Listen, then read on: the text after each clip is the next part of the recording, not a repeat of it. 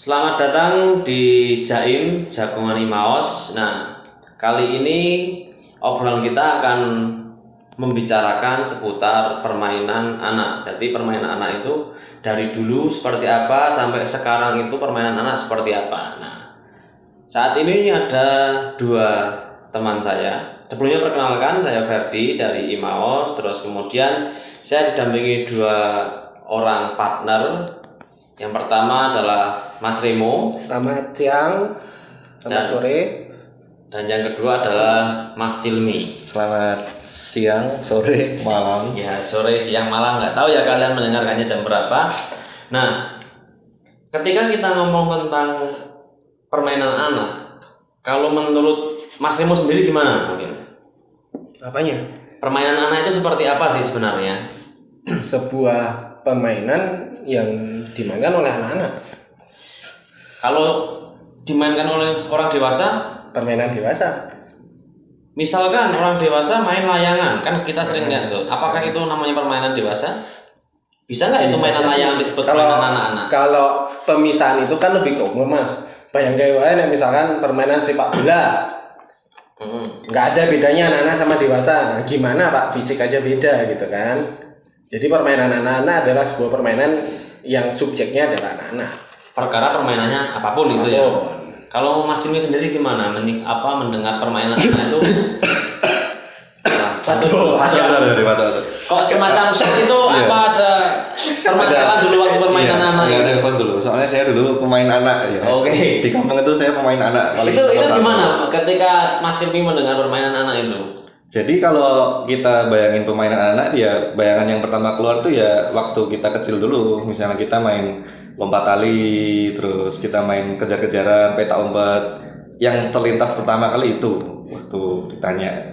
Jadi ya subjeknya permainan yang emang biasanya anak-anak yang main kan nggak lucu kalau orang dewasa main peta umpet gitu kan udah jarang banget. Jadi sesuatu yang serius kalau orang dewasa memainkan permainan anak. Iya. Jadi cenderungnya bisa dikatakan gini nggak permainan anak itu kalau dimainkan orang dewasa jadi nggak menarik atau jadi mungkin memalukan atau mungkin Enggak juga, tergantung pembawaannya sih. Kan ada juga misalkan kalau teman-teman buka YouTube ada juga lomba catch and run tuh ada, kejuaraannya juga ada. Cuma ke lari sama yang ngejar gitu. Tapi ketika orang dewasa yang bermain itu jadi kompleks gitu loh. Karena sudah ada strategi di situ. Funnya itu udah hilang. Oke. Ketika, karena ketika dewasa yang main itu menjadi sebuah kompetisi gitu. Iya. Oke. Kompetisi. Seperti Gobak Sodor ketika di 17-an gitu ya. Ya. Jadi permainan kompetisi. Hmm. Terus ketika melihat permainan yang sekarang yang dimainkan anak-anak mungkin ya permainan yang dimainkan anak-anak sekarang. Mestinya bridging-nya nggak gitu pak. Terus Terus gimana? Mas Cilmi dulu waktu kecil mainnya apa? Mestinya gitu. Terus baru masuk. Ya kalau melihat yang sekarang gimana mas kan gitu. Loh enggak saya tanya dulu. Oh, iya, iya, iya. kembali ke situ. Ya ya ya ya ya. ya. Kalau sekarang seperti apa permainan? Jadi kita ke sekarang dulu baru flashback ya. Iya, zaman kecil kita. Itu alurnya maju maju mundur gitu Iya. kalau dalam sebuah novel itu. Kalau yang sekarang gimana? Sekarang anak-anak sekarang rata-rata nggak jauh-jauh dari gadget, game dan online pastinya. Jadi sudah jarang kita temui anak-anak yang main keluar rumah untuk sekedar peta umpet dengan temennya. Lebih sering anak- anak-anak main PUBG, Mobile Legend, dan begitu banyak game online yang lainnya. Jadi kayak apa namanya pulang sekolah dulu kan kita janjian nih sama temen nih mau main gitu kan. Sekarang enggak kita tinggal WA, login dan ketemunya dalam game nggak ngeliat mukanya. Oke. Ponakan saya juga gitu sih. ya. Enggak, tunggu dulu. Tadi kalau Mas Jimmy kan sekarang permainan anak-anak bisa di anu ya apa apa namanya? di PUBG, Mobile Legend itu lewat login login di online secara online. Nah, itu tadi menurut Mas Jimmy. Sedangkan menurut Mas Remo ketika permainan itu tergantung subjeknya. Nah, padahal Mobile Legend itu ketika kompetisi yang main orang dewasa. Hmm. Itu apakah bisa disebut permainan anak-anak juga? Jadi ya kalau aku sih kembali ke argumenku ya. Aku melihat ketika anak-anak itu bermain, mereka tidak mencari eh, apa ya? Utama mereka tuh bukan menang kalahnya sih kalau aku lihat. Mereka lebih ke pure, mereka bisa bertemu dengan temannya. Kemudian sisi kompetisi itu cenderung lebih di nomor dua atau tiga kan oleh mereka. Kalau aku ketika bahasnya e-sport Ya sebenarnya e-sport ini bisa dimainkan semua orang. Sama sepak bola juga bisa dimainkan semua orang. Tapi kan beda ketika anak-anak yang bermain sama orang dewasa gitu loh. Kembali lagi sih kompleksitas itu akan muncul ketika kita sudah dewasa karena kita berpikir untuk mencapai sesuatu tuh ada target Kalau anak-anak ya main aja gitu kan. Makanya kalau main Mobile Legends jangan jam-jam pulang sekolah gitu. Nah, kadang kan kita nggak tahu itu yang Nah, akhirnya anak-anak itu ya itu juga kalau eh, ketika online kan kita nggak pernah tahu kita bermain dengan usia yang seberapa gitu loh. Oke. Lalu- Tapi kalau kembali lagi aku menambahin kalau tadi Mas Ilmi bilang agak sulit, aku dulu justru di Jakarta aku tinggal di Mampang kan ya. Mampang itu masih termasuk yang agak yang ngampur lah daerah aku ngekos mana yang kota mana yang eh, pe- bukan pedesaan ya eh, bukan nggak urban lah urban agak pinggir gitu kan walaupun nggak pinggir gitu jadi masih banyak anak-anak yang main benteng. Gitu Itu masih kapan? ada. Dua tahun lalu. Oh, satu tahun. lalu mungkin aku terakhir di sana. Kan masih main benteng terutama di bulan Ramadan sih. Main benteng peta umpet itu masih ada. Kalau Mas Remo sendiri dulu waktu kecil mainan apa? banyak. Apa? Banyak itu. yang apa nih? Sendiri apa sama teman? Duh, terserah. Wah, kalau sendiri main saya umur segitu udah main Lego ma- maaf ya Oke, Lego nggak masalah. Sekarang pun juga anak-anak juga main Lego. Enggak, jadi kalau sama temen ya mainnya bola, benteng, kotak sodor, bentik, naik keran. Kalau Mas Remo sendiri, Kalau di tempat saya itu yang paling pemainan aneh itu jadi ini mas, kayak dia tuh kasta sosial tuh berdasarkan kamu jago nggak di sebuah permainan anak itu kayak gitu. Jadi misalnya ada satu orang yang larinya paling kencang itu dia udah dihormati lah sekampung kayak gitu. berarti bukan masalah pendapatan per kapita gitu, Iya. tapi masalah kehebatan skill dia dalam bermain Oh. gitu ya. Jadi kayak apa anak-anak tuh mereka tuh punya kayak hukum sendiri gitu loh, kayak rule sendiri di komunitas mereka. Wah ini anak ini jago nih, dihormatin gitu karena dia emang jagonya di permainan anak doang. Tapi kalau sekarang kita melihat anu ya, misalnya permainan di PUBG atau Mobile Legend, kan itu yang main kan lintas generasi nggak cuma anak-anak tapi Orang tua orang, juga. orang tua juga. Fortnite. Nah kayak Fortnite itu. Menurut kalian gimana sih itu sekarang fenomena seperti itu?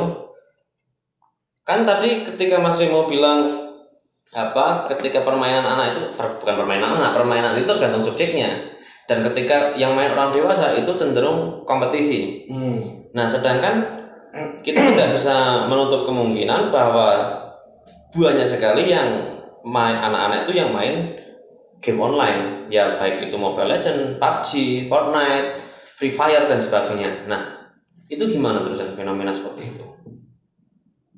Kalau aku gini nih mas, jadi kayak permainan tuh sebenarnya dari dulu sampai sekarang tuh sama aja. Maksudnya dulu kan jatuhnya kayak apa ngikutin perkembangan teknologi aja gitu kan. Waktu aku kecil dulu adanya game Nintendo gitu. Pertama kali as masuk kan Sega itu main Sonic itu sama Dingdong dan itu notabene cukup mahal. Sehingga anak-anak untuk cari hiburan jatuhnya ke opsi yang lebih murah main peta umpet, main layangan. Nah sekarang semua itu murah gitu loh.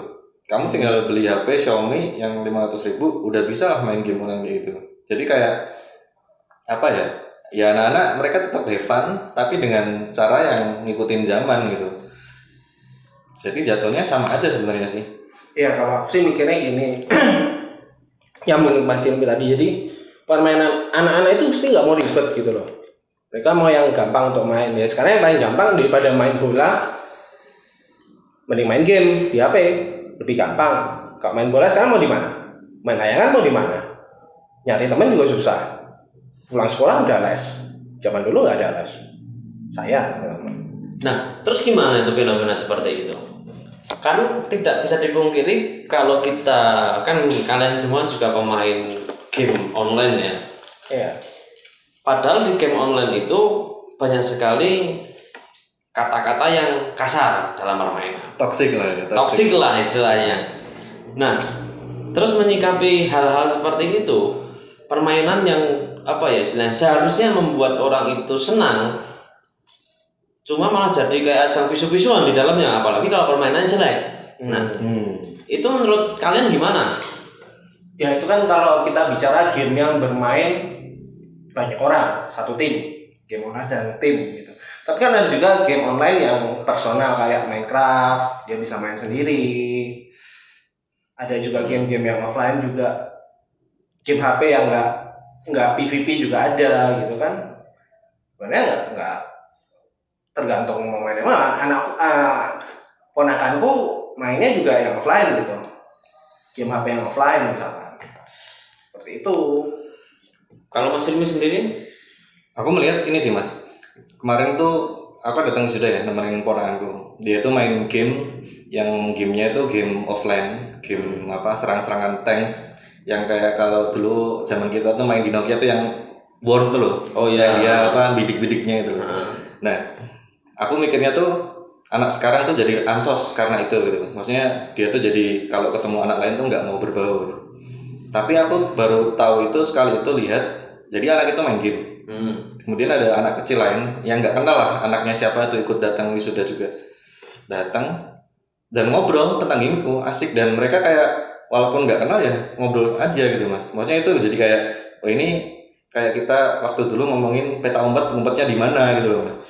Jadi kayak interaksinya tuh kayak wah ini sama aja dong berarti. Cuma beda medianya aja, media permainannya aja. ya ya. Tapi kalau kasusnya seperti itu berarti istilahnya permainan perpa- permainan anak itu istilahnya berkembang ya nggak bisa dibendung juga perkembangan zaman gitu ya. Hmm. Cuma kalau untuk masalah apa ya perkembangan mental atau perkembangan motorik atau sebagainya itu terhadap anak, apakah permainan game yang sekarang itu bagus? Ya kalau aku enggak dong. Karena fisik tidak bermain di situ. Iya. Karena gini, misalkan kalau zaman dulu kita ketemu teman main petak umpet paling enggak ada ketangkasan di situ, lari, bersembunyi, main bola juga ada interaksi, ada ada visi yang harus dibangun di situ. Aku mau ngoper ke mana, walaupun nggak sekompleks itu ya. Tapi kan ada sebuah momen di mana kamu tidak hanya mengandalkan pemikiran saja ketika bermain, fisik juga ikut gitu, lari, lompat, keta- ada ketangkasan lah di situ. Nah, ketangkasan itu pengaruh ke motorik juga. Di samping itu juga anak secara nggak langsung itu berolahraga dengan berlari apa walaupun outputnya anak jadi hitam panasan gitu kan. Itu apa lututnya pasti ada lukanya gitu. luka gitu kan. Kalau sekarang nggak tahu ya kalau zaman dulu aku rasa luka itu kadang sesuatu yang keren gitu loh. Cuma kalau kita bekas lukanya. Kalau sekarang kan orang tua juga sih sangat khawatir anaknya terluka. Tapi kan luka itu sebuah pembelajaran juga gitu loh. Iya, tapi kalau ngomong masalah sepak luka yang wajar ya maksudku. Saya kira kalau ngomong masalah sepak bola sampai sekarang pun masih ada kalau masalah sepak bola, kalau permainan anak. benteng.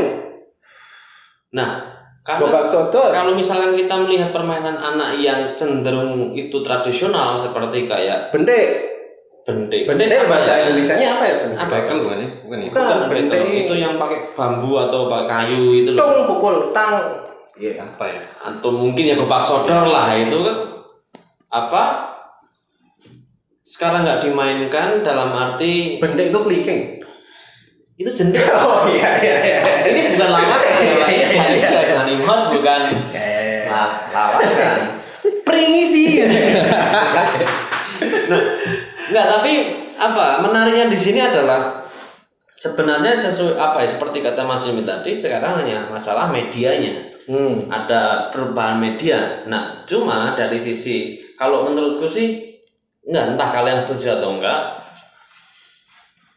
interaksi sosial sekarang atau permainan game sekarang itu mencetak anak-anak minim interaksi sosial dan menjadi individualis sepakat nggak seperti itu kalau aku sih nggak melihat dari game aja sih karena memang perkembangan mengarahkan ke situ gitu loh. Tapi di sini bahasnya game. ya akhirnya game pun bukan sesuatu yang imun terhadap hal itu.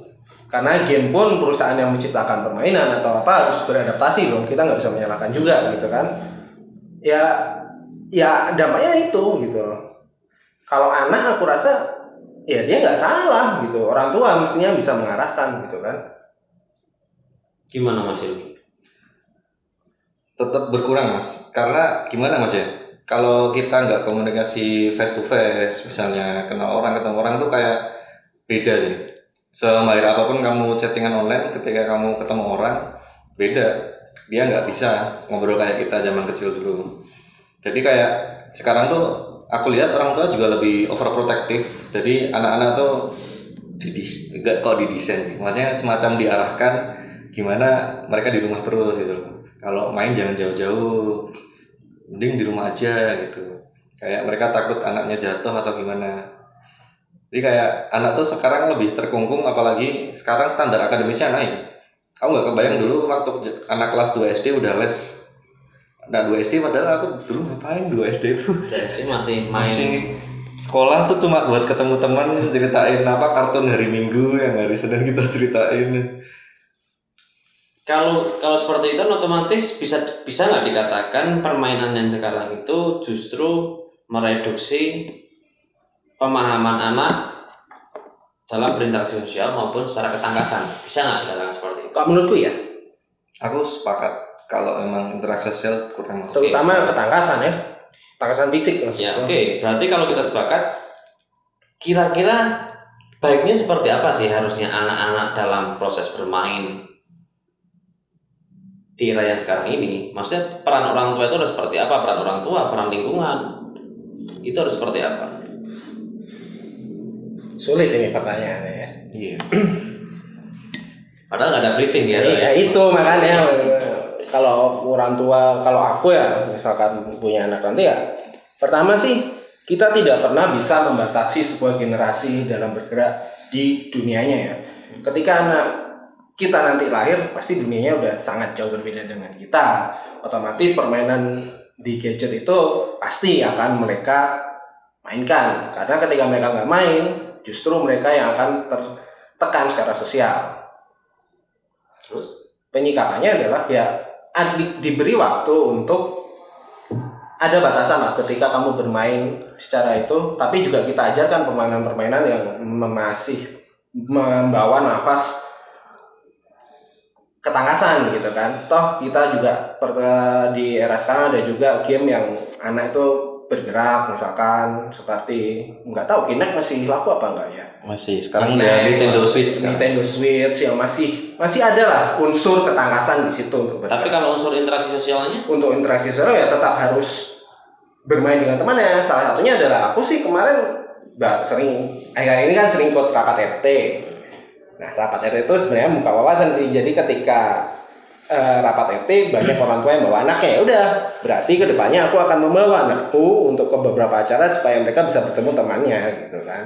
Di situ mereka secara nggak langsung pasti akan bermain kok. Gitu. Anak-anak itu juga langsung lari-lari aja nggak ada apa tak umpat apa mereka sudah membuat kesepakatan sendiri akan bermain apa gitu. Kalau aku sih nyikapinya gitu ya.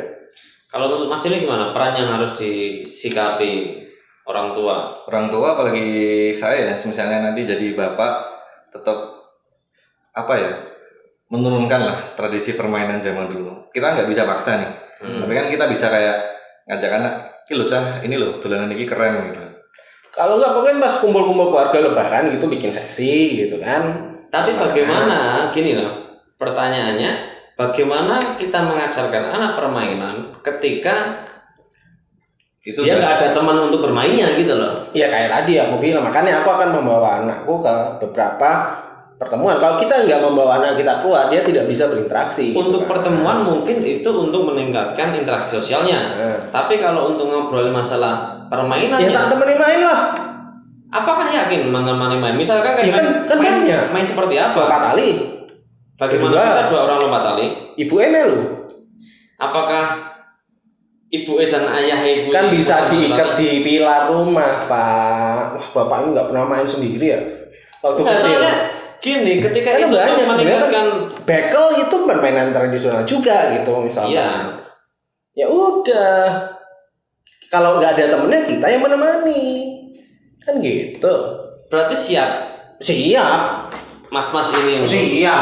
berperilaku seperti itu Siap, siap. Sebenarnya ini mas apa kayak nggak bisa paksa juga tuh. Apa anak kan kadang kita kasih nih wah Oppo nggak keren pak. Mending main game online gitu kan.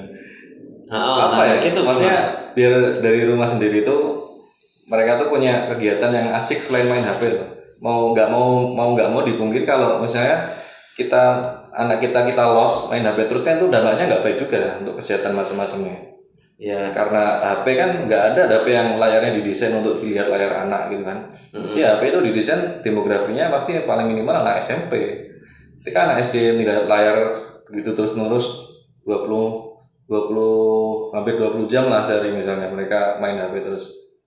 Kan nggak bagus juga untuk kesehatannya. Jadi ya gimana caranya kita nyari apa misalnya pengalih perhatian anak dari HP itu Tapi gini, sering nggak sih ketika kita nonton film misalkan, eh, bukan misalkan film di luar negeri, banyak kan adegan-adegan di mana anak itu mengingat permainan dia dengan ayahnya. ayahnya yang khusus, misalkan petak umpet kayak apa kayak gitu, atau yang terakhir di film Fast Furious yang Shaw sama si Hobbs, Hobbs and Shaw itu juga ada kan di mana permainan keluarga. Sepertinya hal-hal seperti itu sebenarnya bisa dibuat gitu. Ketika untuk memfasilitasi ruang mereka bermain di luar gadget gitu. Berarti emang Dan pasti akan menjadi sesuatu yang monumental gitu buat mereka. peran keluarga ini sangat besar sekali ya dalam mengelola permainan anak ini. Mm-mm. jadi dimulai ya dari keluarga sendiri mas kita nggak bisa lah maksa anak tetangga untuk ikut permainan kita itu Iya. minimal tuh anak kita tuh asik gitu wah aku udah itu keren nih gitu kan Cuma kok saya sanksi ya ketika seorang keluarga itu bisa mengajak anaknya untuk bermain permainan tradisional. Entah dari segi orang tuanya yang sibuk atau entah dari segi anaknya yang menganggap itu tidak prestis tadi.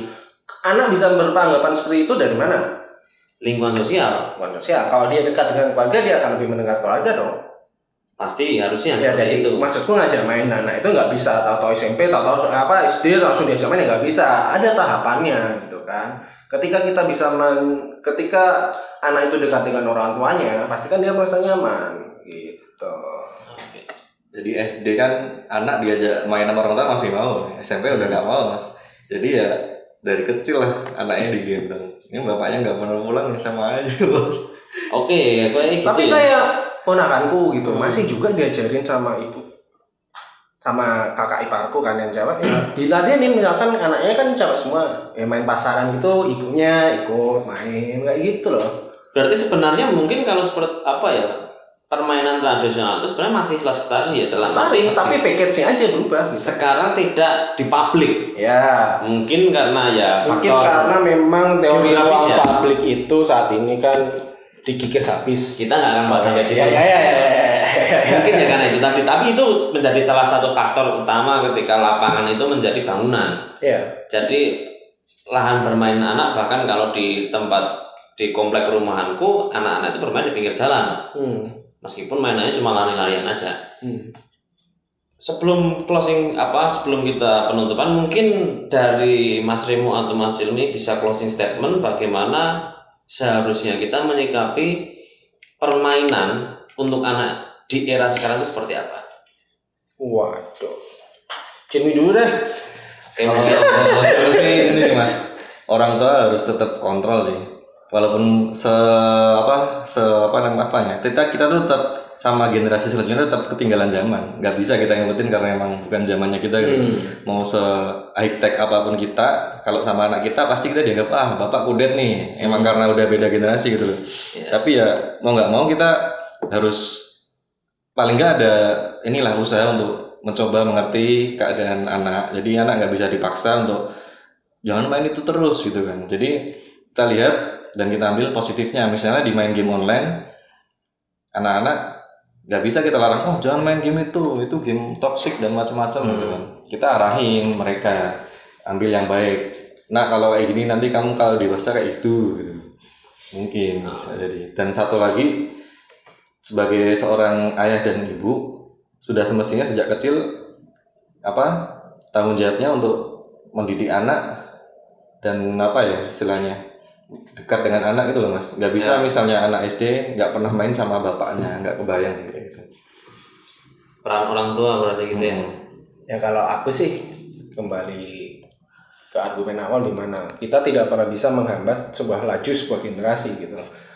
Yang bisa kita lakukan adalah bagaimana kita membimbing mereka agar balance eh, beberapa permainan tradisional yang tidak digital gitu kan itu juga ada sisi positifnya tapi kita sebagai orang tua kita yang adjust gitu loh. Gimana kita memasukkan unsur-unsur permainan itu misalkan untuk motorik anaknya ketangkasan itu kita meramu sendirilah kecerdasan orang tua di situ dituntut untuk bagaimana sih membuat sebuah permainan yang kuno ini menarik bagi anaknya.